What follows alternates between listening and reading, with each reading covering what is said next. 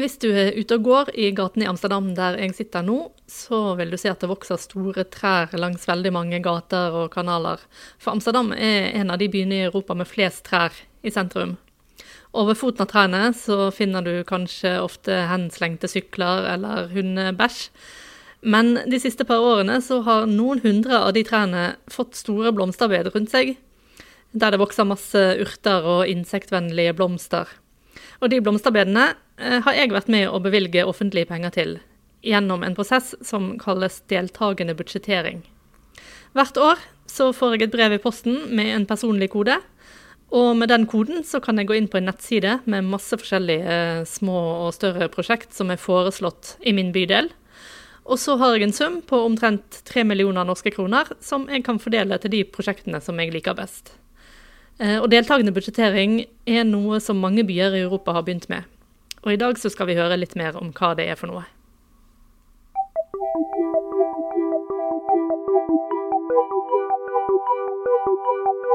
There is no alternative. There is no alternative. There is no alternative. No, no, no. Velkommen til en ny episode av Alternativ økonomi. Jeg heter Kjerstin Engedal, og jeg lager denne podkasten sammen med Reidun Gjengedal. Og I dag skal vi altså snakke om deltakende budsjettering, som betyr at en del av det offentlige budsjettet blir fordelt direkte av innbyggerne. Det var noe som oppsto i Latin-Amerika på 1990-tallet, og så har det spredd seg til resten av verden, inkludert Europa. Bortsett fra de nordiske landene. Og hva som kan være grunnen til det, det skal vi komme litt inn på etter hvert. Eh, en av de som har vært interessert i deltakende budsjettering lenge, det er Einar Bråten, som er forsker ved By- og regionforskningsinstituttet på Oslo OsloMet. Og her for litt siden så fikk Reidun en prat med han om hva deltakende budsjettering er, og hvordan det kan fungere. Så jeg lurer på om vi kan begynne helt enkelt med at du forklarer meg. Hva er deltakende budsjettering?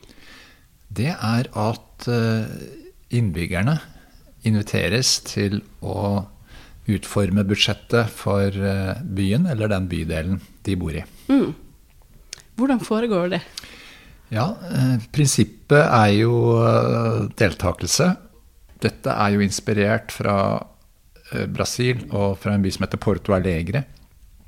Og der begynte en med dette på begynnelsen av 1990-tallet. Og da var det veldig aktive eh, nabolagsforeninger, velforeninger, eh, som var tillatt under militærdiktaturet. Fordi at de var upolitiske eller var ikke tilknyttet politiske partier. Så det, og, og, og kirke og sånne eh, kan si Sivilsamfunnet var også veldig aktive i å oppmuntre det. Eh, så de tok da utgangspunkt i disse, disse miljøene, aktive miljøene blant eh, folk flest i lokalsamfunnet, og inviterte de inn i, til å delta i, i kommunens beslutninger. Eh, og da var det altså med ett møte i hver bydel, og som kunne samle nesten 1000 mennesker. De velger da delegater som jobber videre på eh, nestenivå. På, på bydelsnivå. Eh, men de, de, delegatene representerer jo da ofte et, eh, en, en, type forening eller en eller annen interesse. Så det er jo kamp, da. Det er jo avstemning på, på dette møtet. Men det er også eh, vedtak om prioriteringer, slik at da fremmer en eh, forskjellige forslag. Eh, og de henges opp eh, på sånne slags sånn veggaviser eller plakater og sånn. Og så får folk se på det i fred og ro, og så eh, stemmes det da også over prioriteringene fra den bydelen. Og de som da blir valgt som delegater, er jo da bundet til å følge opp de prioriteringene. Så det er jo gjerne ofte de også som har fremmet de mest populære forslagene, som også blir valgt som delegater til å liksom å og arbeide for dette videre. Uh, og så går dette da inn i et større budsjett, uh, hvor eh, de som er valgt på ett møte, møter folk som er valgt på et annet møte i en annen bydel. Og så må de da bli enige om, om et budsjett. Eh, Så er det veldig forskjellig på hvor eh, mye frihet kommunen, eller kommunens politikere, da, eh, ordfører, borgermester, eh, bystyremedlemmer, hvor mye de gir til eh, makt de gir til, eh, eller avgir til innbyggerne. Eh, sånn at eh, i dette tilfellet i Brasil, i Porto Alegre, så var det typiske at de ga de veldig stor makt. Som vil si Eh, det som var av investeringer, kunne de være med å bestemme over.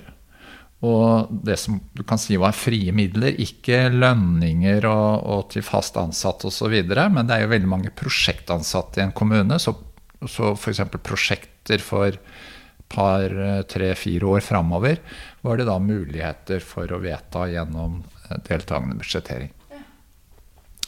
Og da typisk eh, er jo da at en syns kanskje at jo i en bydel så var det stor, stor eh, analfabetisme f.eks. blant eh, de voksne. Så voksenopplæringstiltak ble prioritert. I et annet område hvor det kanskje var folk ikke var så fattige, da, kanskje litt mer sånn, så var det kanskje de savnet mer grønne områder og, og mer den typen miljøtiltak som de da prioriterte og, og fikk gjennom. Sånn at det Sånn sett også så får du fra mangfold i byen, og at det er forskjellige prioriteringer i, i, forskjellige, i forskjellige bydeler. Da. Dette startet i, på 1990-tallet, sa du. Hvordan fungerer det i dag? Har det, har det vært like stor interesse og engasjement rundt det hele veien? Jeg har vært eh, nylig i Porto Alegre, og der fungerer det fortsatt veldig bra. Eh, og det har skjedd under veldig forskjellige kan si, politiske flertall. Så det begynte under eh, Arbeiderpartiet, eller Arbeidernes parti, som heter i Brasil, PT. Partiet til tidligere president eh, Lula, som mange kanskje har hørt om. Som da var liksom det radikale venstrepartiet i, i Brasil. Men uh, så har da sentrumspartier og, og, og høyrepartier også kommet og og styrt etterpå. Men de har, har videreført uh, i, dette systemet i store trekk. Selv om de kanskje, mange kanskje har litt kritiske meninger da, om uh, hvor, uh, hvor, bra de gjør dette. Men, men, dette har overlevd stort sett i de fleste byene hvor de har gjort dette her. Kanskje ikke så fresht, ikke så trendy eller populært som det var til å begynne med kanskje litt mer sånn del av en, en rutinemessig hverdag enn det det var da de startet med dette. Hvilke utfordringer eller problemer kan men, eller tenker du deltakende budsjettering kan svare på? Det, er, det viktigste er jo å øh, demokratisere samfunnet. Uh, i et samfunn som Norge så har vi jo eh, hatt demokrati veldig lenge. Og eh, det er liksom ikke så eh, prioritert, kanskje, hos oss at jo, vi må demokratisere Norge. Men det er jo kanskje grunn til å stille spørsmål om eh, det ikke trengs mer aktiv medvirkning og deltakelse fra innbyggerne utover det å stemme men det er jo kanaler eh, for oss eh, til å påvirke samfunnet, påvirke eh, offentlige beslutninger utenom valgene. Men deltakende budsjettering har vi nesten ikke i, i Norge. Men det er, det er, vel fordi at det er ikke så presserende for oss, eller vi føler ikke det, at demokratiet er så uh, viktig som i et land som kanskje har nettopp innført demokrati. Og fordi at Det som jo skjer ofte når en innfører demokrati i, i, land som ikke har demokratiske tradisjoner, det er at det blir en form for elitestyre. Og Det var et kjempestort problem i Brasil, og det er det fortsatt. Det er et veldig klassedelt samfunn. Enormt stor uh, forskjell mellom de rike, som også har høyest utdanning, og de fattige, som ofte nesten ikke har noe skolegang i det hele tatt. Så er det en annen ting som er interessant, og som f.eks. Verdensbanken og, og, en del som jobber med bistand og, og utviklingshjelp og sånn, har eh, vært opptatt av, det er at eh, dette er en måte å, å kontrollere korrupsjon på. Altså det, det er jo et stort problem at eh, offentlige penger blir stjålet hele tida. I eh, veldig, veldig mange land i verden. Det at eh, folk da i større grad kan kikke politikerne i kortene og følge med i budsjettet og spørre ja, i fjor hadde vi liksom én million kroner til disposisjon. I år er det nesten ikke noe penger til, til oss, eller til, til dette vi skal gjøre. Hvor er de pengene blitt av? Sånn at det de ofte gjør, de som da deltar i budsjetteringen, fra, i, altså i denne deltakende budsjettering, det er at de også er opptatt av at det er så mye penger som mulig til eh, den budsjetteringen de skal gjennomføre. Og ser veldig kritisk på og veldig nøye på hvordan pengene blir brukt ellers i kommunen, og er på en måte et, et press på å få en god, god offentlig økonomi.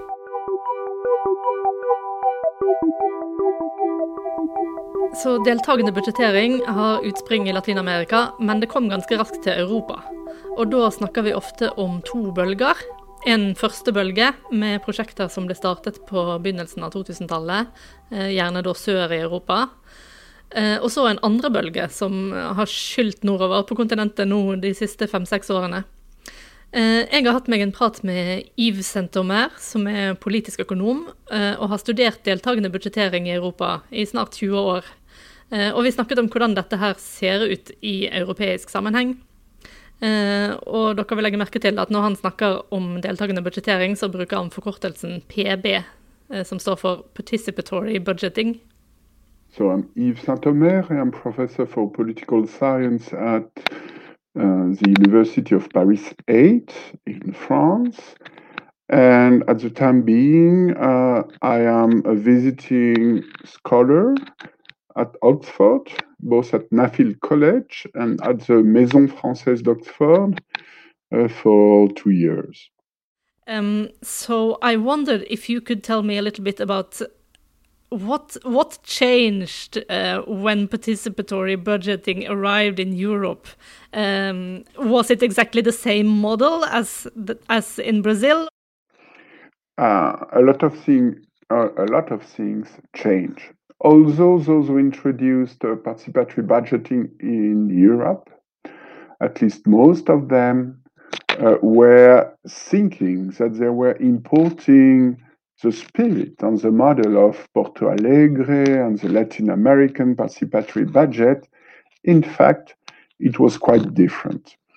The first is more a contextual difference. In Porto Alegre, in Brazil, in Latin America, participatory budgeting was part of a more global change, a political change, a social change, and uh, it was the prehistory and then the history of left wing governments in Latin America, an attempt to shift the distribution of resources uh, to the working class or to subaltern groups, to form uh, new higher civil servants and politicians who could uh, work with the citizenry, with an active citizenry, and, and PB was one important part of it.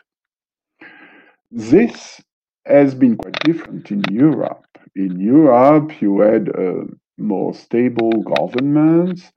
So PB was more introduced as something part of uh, participatory modernization of public administration. Uh, this was the most important key issue in, in Europe. The second difference uh, is that in Latin America, PB was a way of associating active citizens to the, distrib- to the distribution of public money, but also to shift the distribution of public money uh, to the poor, or at least part of the public money to the poor. And PB was an, an instrument near, nearly everywhere in Latin America, which focused on giving more public investments to the poor, to those who uh, usually don't receive their share in public investments in Latin America. This was a crucial dimension of PB in Latin America, and this has nearly not existed in Europe. In, in Europe, uh, we have other ways of uh, redistributing to the poor through the welfare state, which is much more developed in Europe compared with Latin America. It's even more developed in Nordic countries in Europe compared to southern countries. But still, we have instruments for this. They are not sufficient, probably. But in any case, when PB was introduced, this dimension either was inexistent or very secondary. And the third very important difference is that not in all Amer- Latin American PBs, but in part of them, perhaps one third of them, the amount of money which was distributed through PB was important. It made a difference. It was not just for small things, but it could change a city. Uh, in Porto Alegre, for example, uh, the, all those who have observed uh, the PB and, and who have followed the city, the city development during 10 years, 15 years, have seen huge differences, especially in the slums, in the suburbs.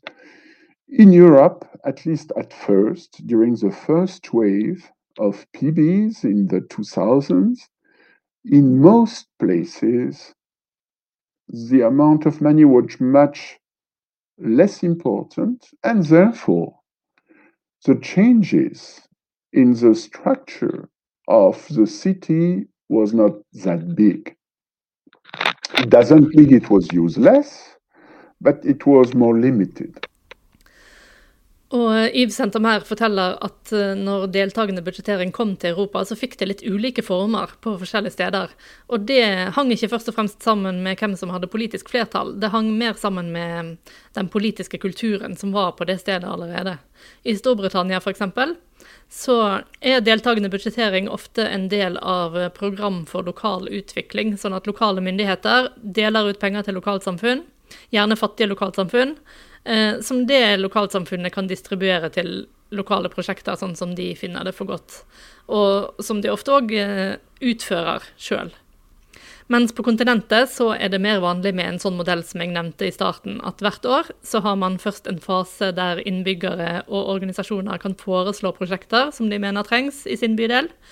Og så har man en avstemning som ofte foregår på nett, og de prosjektene som får flest stemmer, de blir gjennomført. Den modellen bruker de f.eks. i Paris, som begynte med deltakende budsjettering i 2014, og som nå har det største deltakende bybudsjettet i verden. Eh, og så noen steder, som i Portugal, så har du av og til en slags blanding der prosjektene blir diskutert på lokale møter før avstemningen begynner. Eh, og i tillegg til at det finnes ulike modeller, så har òg modellene utviklet seg over tid. Perhaps a, an important difference between the first wave of PB and the, the actual PBs is that during the first wave, in Europe, most PB were only consultative. They couldn't really take decisions. And most of them died after a while. The analysis was that if it's not uh, binding, then it doesn't last because after a while citizens think it's too much energy uh, for a result which uh, is not clear.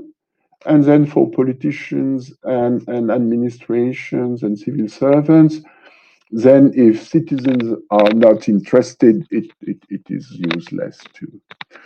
And so that now most PBs are binding, decisions are binding. In most cases, this is not legally binding uh, because it's not part of the national constitution or the local law.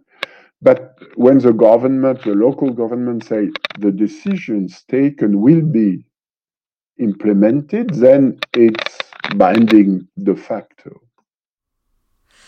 I wonder if one can say anything uh, in general about what kind of projects are most suited for uh, for participatory budgeting, because I assume that large parts of the local budgets are not part of this process, right? Yes. Um, PB, as it was conceived in Latin America, focused on investment. It's not about, for example, labor costs. Uh, it's not about the level of the debt uh, of the local government. It's about investments. And a lot of investments are long term investments which cannot be changed from one year to the other. PB usually, in perhaps 95% of the cases, focus focuses on one year or two years investment projects. And very often they focused on investments which are visible. Uh, very often they are linked, for example, to ecology, a green city, to the youth. What can uh, uh, children and young people use in the city? Cultural services are also very often at stake. So, some things which are visible, where people can see concretely what the outcome will be in a couple of years because it's easier to facilitate participation when people see what is at the end of the story and have the feeling that they will see the results of what they are doing. And as I said, because long term investments involve more technical and, and, and very complex issues, which has to be which have to be discussed more at length if one to uh, want to have uh, reasonable decisions. And then PB is not the, the good way of doing it. it uh, you have to do participatory planning and, and things like this you have to involve also all the actors, then citizens, such as business, such as uh, uh, big NGOs, unions, and so on. So I think that for the long term issues, PB is not the right way of doing it.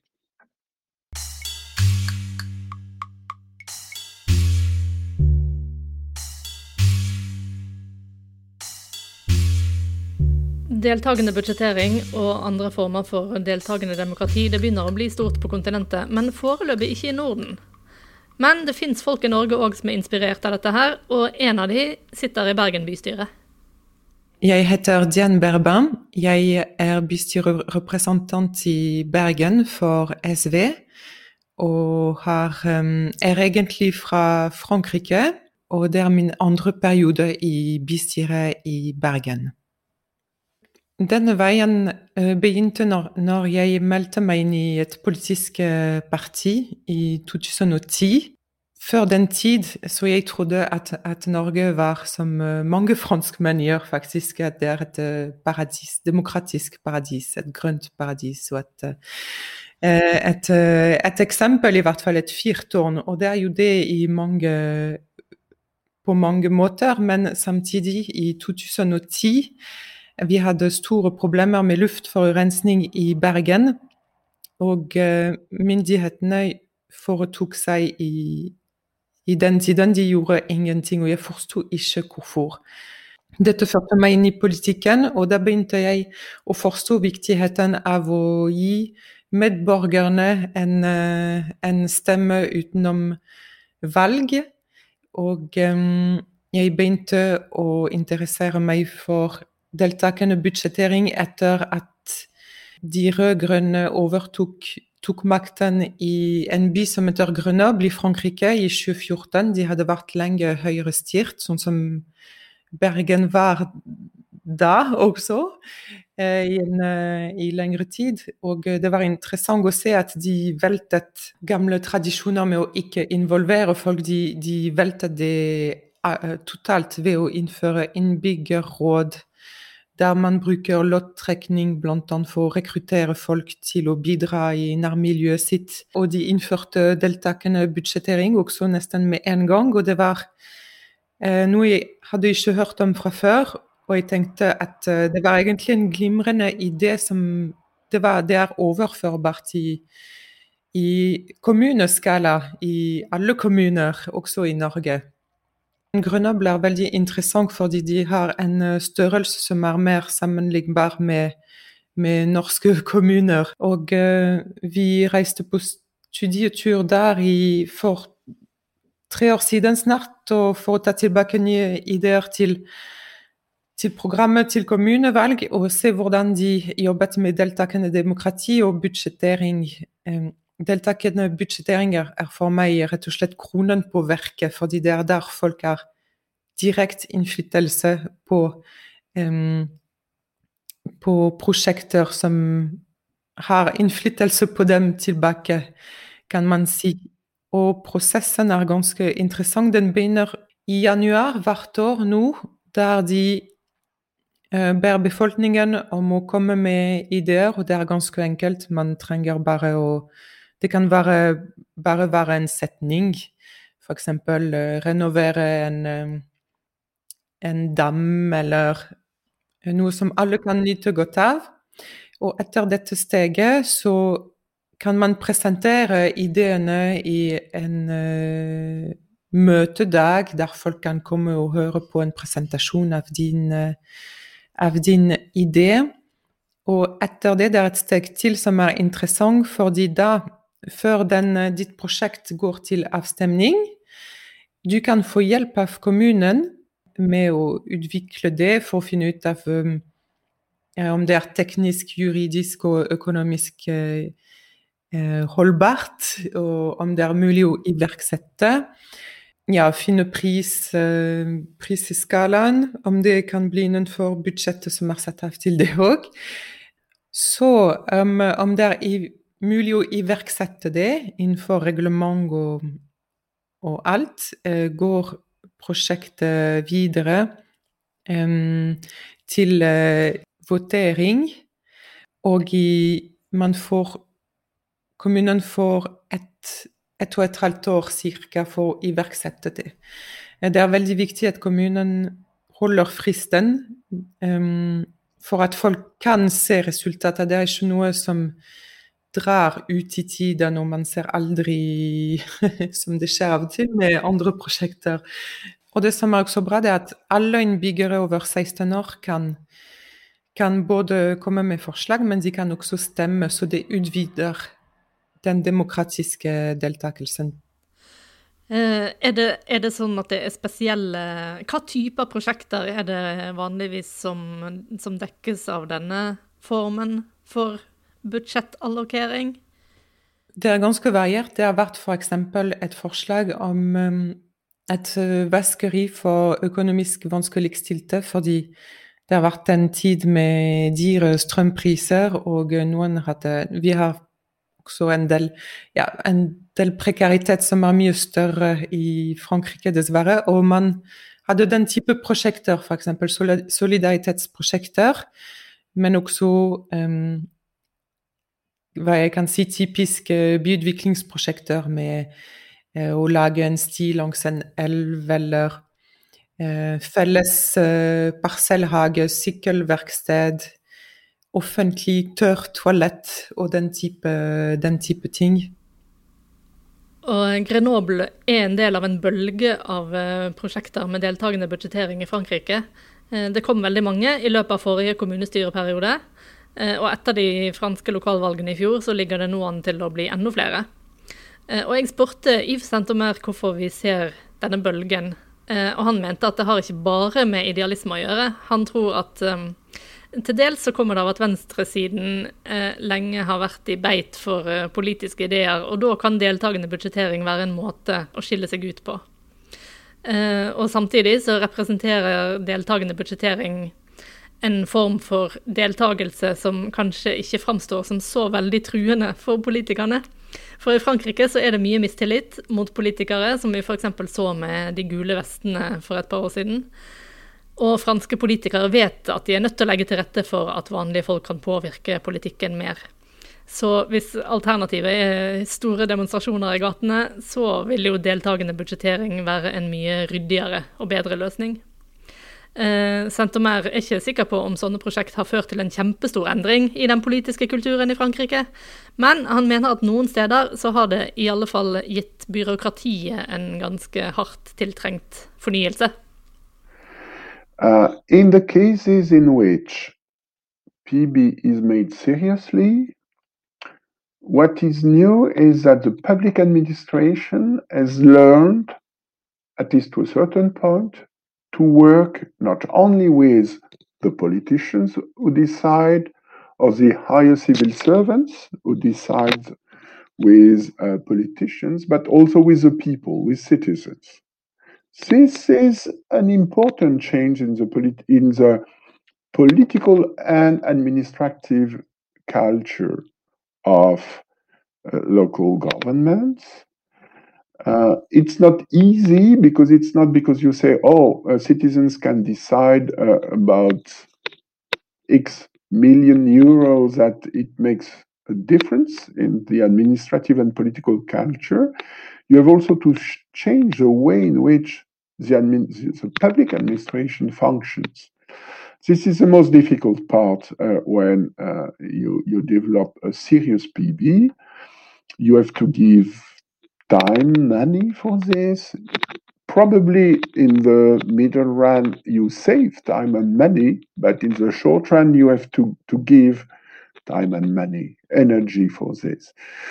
Politicians who do it seriously and hire civil servants or civil servants who do it seriously understand that it could be a win-win. It's not a zero-sum game, and that if you give a bit of your power, because you will be more legitimate, you will be able to do more things, not less.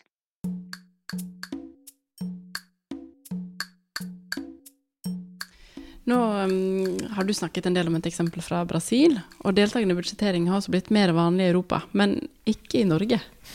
Hva kan grunnen til det være? Ja, hvorfor det?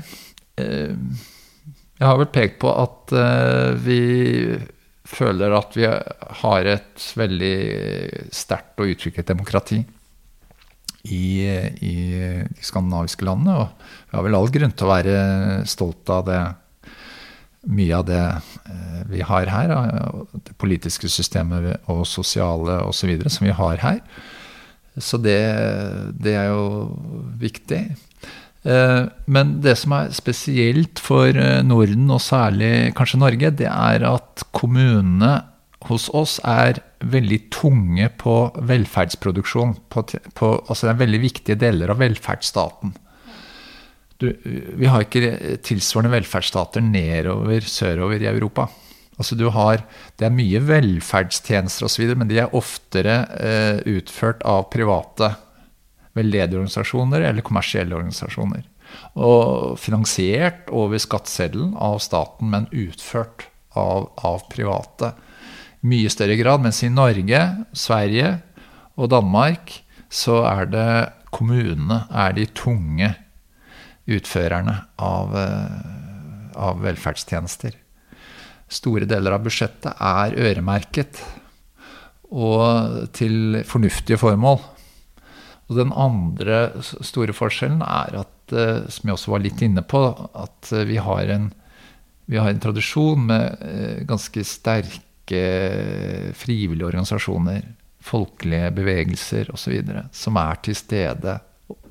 Til og med i de minste kommunene så har man avleggere av de.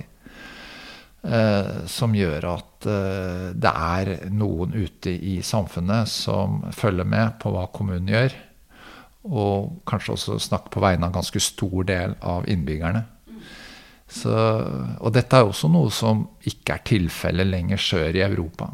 Trenger ikke dra langt for å se at det er eh, mye mindre del av befolkningen som er organisert. Både i, i fagforeninger, i, eller bondeforeninger for den saks skyld, eller i, i, eh, andre former for sivilsamfunnsorganisasjoner. Så det er de to hovedfaktorene. Velferdskommune og et veldig organisert samfunn fra før, som har utøver en ganske stor kontroll eh, og innflytelse også på, på kommunen. Mm. Når vi snakker om Norge, så var du eh, blant initiativtakerne til å få til et forsøk med deltakende budsjettering i Oslo på, tidlig på 2000-tallet. Kan du fortelle litt om hvordan det gikk? Ja, det var veldig morsomt. fordi da, vi var jo en del som var eh, litt inspirert av disse, eh, disse erfaringene i Brasil, og som etter hvert også eh, spredde seg rundt om i verden. Så vi lagde noe vi kalte Aksjon deltakende budsjettering, ADB. Og da benyttet vi denne innbyggerinitiativmuligheten. Så vi sto på stand og fikk underskrifter på at eh, jo, vi vil gjerne ha eh, et forsøk med deltakende budsjettering. Og det gikk bra. Og så kommer saken til bystyret, og den skal da diskuteres først i finanskomiteen. Og der fikk dette flertall. Men på veien fra finanskomiteen inn til bystyret så var det særlig ett parti som snudde, nemlig Arbeiderpartiet. Og hadde Arbeiderpartiet stått på, så hadde det vært flertall for det. Og noen år etterpå så har vi jo, vi har jo direktevalgt eh, bydelsutvalg i Oslo. Så bydelsutvalget i Sankthanshaugen Eh, som ble valgt da, eh, flertallet der, eh, ønsket å sette i gang deltakende budsjettering. Så jeg var også involvert der. Men da kom kommuneadvokaten på banen. Og, men det var også at byrådet da sentralt i Oslo ikke ville ha dette her. Og kommuneadvokaten mente at det til og med var i strid med lovgivningen i, ja, i kommuneloven. For den sier jo noe om hvordan eh, budsjett skal vedtas. Men eh, vi kom jo liksom aldri så langt at vi kunne ha en, eh, en, en diskusjon eller en dialog med, med, kommuneledelsen i Oslo på dette her. For de var veldig De ville egentlig ikke dette her. Og var ganske Det var mye vrangvilje, syns vi. Fordi at vi men, mener, mener, jo at i, et, i en, en norsk sammenheng så bør Eh, det være mer rådgivende at deltakende budsjettering kommer med en innstilling om hvordan penger skal fordeles. Eh, og at det da til syvende og sist er eh, bystyret, de valgte politikerne for fire år, som vedtar å, å følge, eller ikke følge, deler av innstillingen da, fra en deltakende budsjettering. Mm. Og nå nylig så har eh, Dian Berbern tatt opp tråden og prøvd å få innført deltakende budsjettering i sitt bystyre i Bergen. Og sånn har det gått. Ja, jeg prøvde å få eh, gjennomslag for Grenoble-inspirert eh, forslag i min, eh, i min, by. Og jeg tror nå at eh, bystyret er ganske kjent med Grenoble, fordi jeg har prøvd å, å gjenbruke eh, gode forslag, ikke bare deltakende budsjettering. Men um, allerede i 2017, når vi hadde igangsatt en lokaldemokratireform i, i Bergen Det var et lokaldemokratiutvalg bestående bl.a. av folk, folk fra Universitetet i Bergen som skulle se hvordan man kunne fornye lokaldemokrati i Bergen. Så ja, vi hadde en lokaldemokratirapport som ble levert fra lokaldemokratiutvalget i 2017. Det som var interessant, det var at 50 eh, svarte i en eh, undersøkelse at det er sannsynlig at de vil delta i et diskusjonspanel eller borgerpanel som et rådgivende organ for bystyret dersom de ble invitert til dette. Så det var interesse for nye former for deltakelse. Jeg syns 50 er veldig bra. Og de faktisk innførte et forsøksprosjekt sammen med universitetet om et um, borgerpanel med låttrykne deltakere. Men dessverre er dette bare et begrenset forsøksprosjekt. Det er ikke noe institusjonalisert som er blitt eh, Men da prøvde jeg å fremme deltakende budsjettering, blant annet. Um, og eh, det ble dessverre nedstemt, så jeg har prøvd igjen. Og det ble nedstemt, og jeg har prøvd igjen, f.eks. i plan for områdesatsing. Vi har som artistværende områdeløft i Oslo, der man, var, der man jobber for å bedre levekårene i visse områder. Og jeg oppdaget i ettertid at Tøyen hadde inn, inn, um, innført uh, deltakende budsjettering. Og det er absolutt et godt redskap i uh, den type områdearbeid. Men det ble også nettstemt. Men det som er et lys uh, der, det er at det fremmet jeg allerede i 2017. Det var opplæring i, i budsjettet. Eh, det er noe Grenoble har også innført i forbindelse med deltakende budsjettering, og det er ikke obligatorisk å delta på det. Men jeg tenkte det var veldig lurt fordi man åpner for um, et møte med finansbyråden, f.eks., som forteller hvordan en bybudsjett fungerer. Det er ikke et politisk møte der man debatterer, men der du lærer opp folk hva det betyr å bevege på investeringene og drift, og hvordan det er strukturert, og hva er lov um, hva er lovpliktig, og for å kunne forstå hvordan det, det arter seg. Og det ble endelig vedtatt. Jeg fikk gjennomslag for det i mars 2020, så jeg er kjempefornøyd med det. Fordi det er et første steg med å involvere folk og hvis vi vil at folk skal delta i større grad, så må de også forstå systemet som oppleves som ganske komplisert, egentlig. En mulig ulempe ved deltakende budsjettering eh, kan være at når alle skal være med og bestemme over prosjekter, så kan du ende opp med at de prosjektene med mest promotering og kanskje reklamepenger og sånne ting bak seg som vinner, og at det ikke nødvendigvis er de beste prosjektene. Eh, Einar Bråten forteller at det foreløpig ikke har vært noe stort problem, men at det er viktig at man blir enig på forhånd om spillereglene og hva slags prosjekter som fortjener å bli prioritert nettopp for å unngå sånne effekter. Og Yves Sentomer han la til at det er veldig viktig at man følger med på hvem som får delta og ikke delta i denne typen prosesser. Ellers så vil du fort se det samme som man ser med alle former for frivillig innsats, Eh, nemlig at det er middelklassen, de som har mest tid og ressurser, at det er de som deltar. Eh, så han forteller at de som driver deltakende budsjettering i Europa, er blitt mer bevisste på det her med tiden. Eh, så nå ser du f.eks. ofte at det blir satt av egne pengepotter til fattigere bydeler, og at kommunen ofte legger mer innsats i å informere og rekruttere deltakere i noen bydeler enn i andre. Men hva med framtiden? Er deltakende budsjettering i Europa kommet for å bli? I, I think I think it depends. Uh, we can be sure now. Um, on the one hand, we can say that it has been one of the most successful participatory devices at local level. But uh, in order to last and develop further, it has to become part of the normal way of life, of the normal way of making politics and, and uh, administrative action. At the beginning, you you know it's invention. You begin, you have energy, it's exciting, but then it's be, it becomes a routine and a routine is necessary for lasting, but uh, it has to be a useful routine and it has to be also a, a, an evolving routine. So it's not that easy. And very often, those who, who have who, began uh, the process after a couple of years are exhausted. And, and so this is a danger uh, if you don't modify the structure of the decision making uh, in a sustainable way, then it won't last. Uh, and the last thing is that at local level, very often you have a change in local government and uh, politics.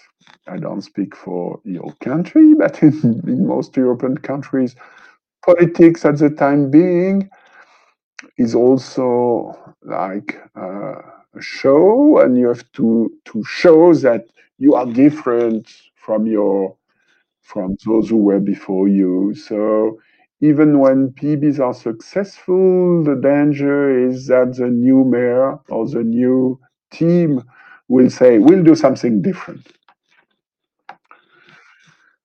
So it's very difficult to say.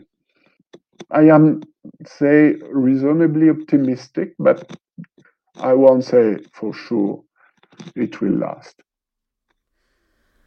Og så er det Norge, da.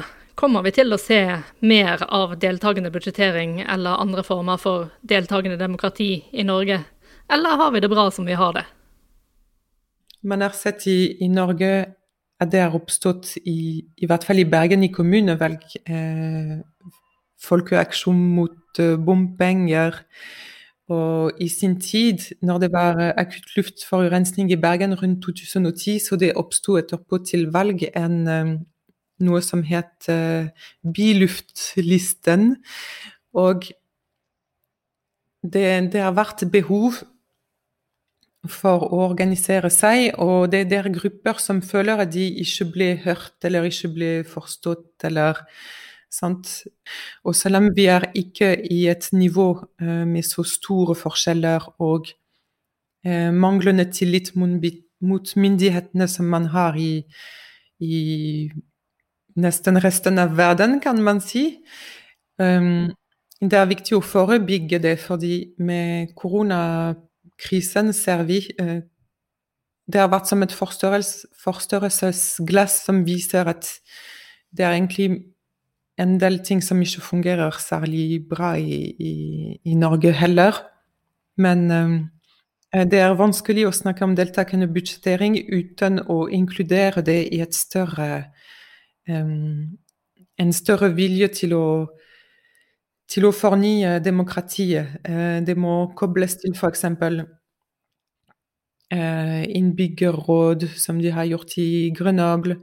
Eh, og koble det til andre former til deltakelse i tillegg til dette her. Vi har f.eks. muligheter til å fremme innbyggerinitiativ, men det er lite reklamert. Så det vi har allerede fra før, burde blitt frontet mer og reklamert, markedsført litt mer i tillegg. Men ja, det må plasseres sammen med, med andre vekter, og ikke bare deltakende budsjettering, altså. Det syns jeg holder ikke. Det er ikke nok. Det er en god start, men det er Det må settes i et større sammenheng, ja.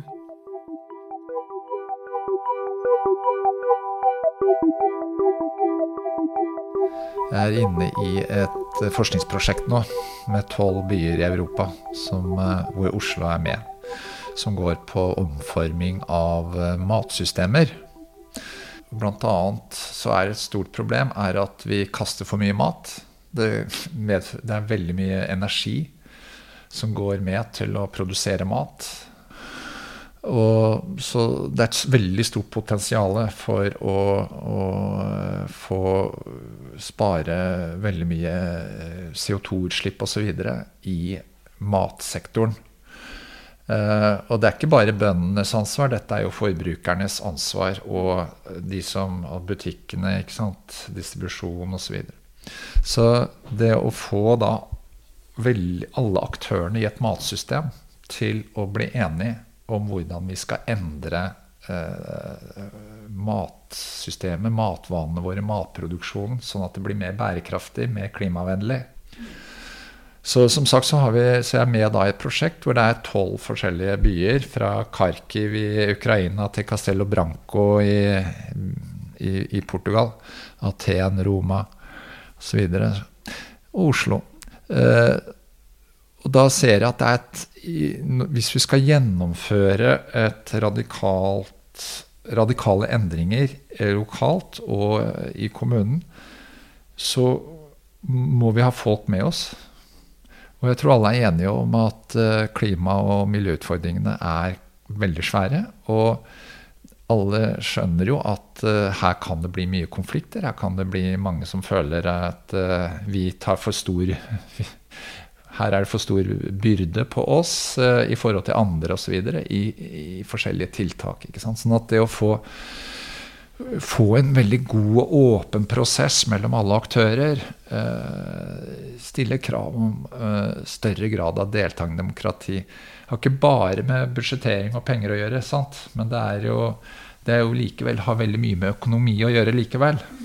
Og hvordan varer og tjenester blir eh, produsert og, og, konsumert. ikke sant? Så det er så eh, hvis du går liksom under og kaller ikke bare deltakende eh, budsjettering, men altså en, en, deltakende økonomi og en deltakende eh, økonomiendring, økonomiskifte, eh, i forhold til eh, en mer grønn og bærekraftig økonomi, så ser jeg et veldig stort potensial også for Norge, som i og for seg sies at vi er demokratisk eh, nok fra før, men jeg ser altså Bare ta de konfliktene som vi har på bompenger, som vi har med, hav, eh, med, med, med vindkraft osv. Eh, ikke det, alt tyder på at det er et demokratiunderskudd i mye av det vi gjør i, i når det gjelder klimatiltak og, og miljøtiltak osv. Og, så og at det er en utfordring for politikerne. Og jeg tror de skjønner at uh, her holder det ikke at det sitter kloke hoder på et kommunalkontor. Eller at uh, man gjør et uh, vedtak etter noen timers diskusjon i bystyret. Det må en mye dypere involvering av, av befolkningen til for, å, for at vi skal komme dit vi vil.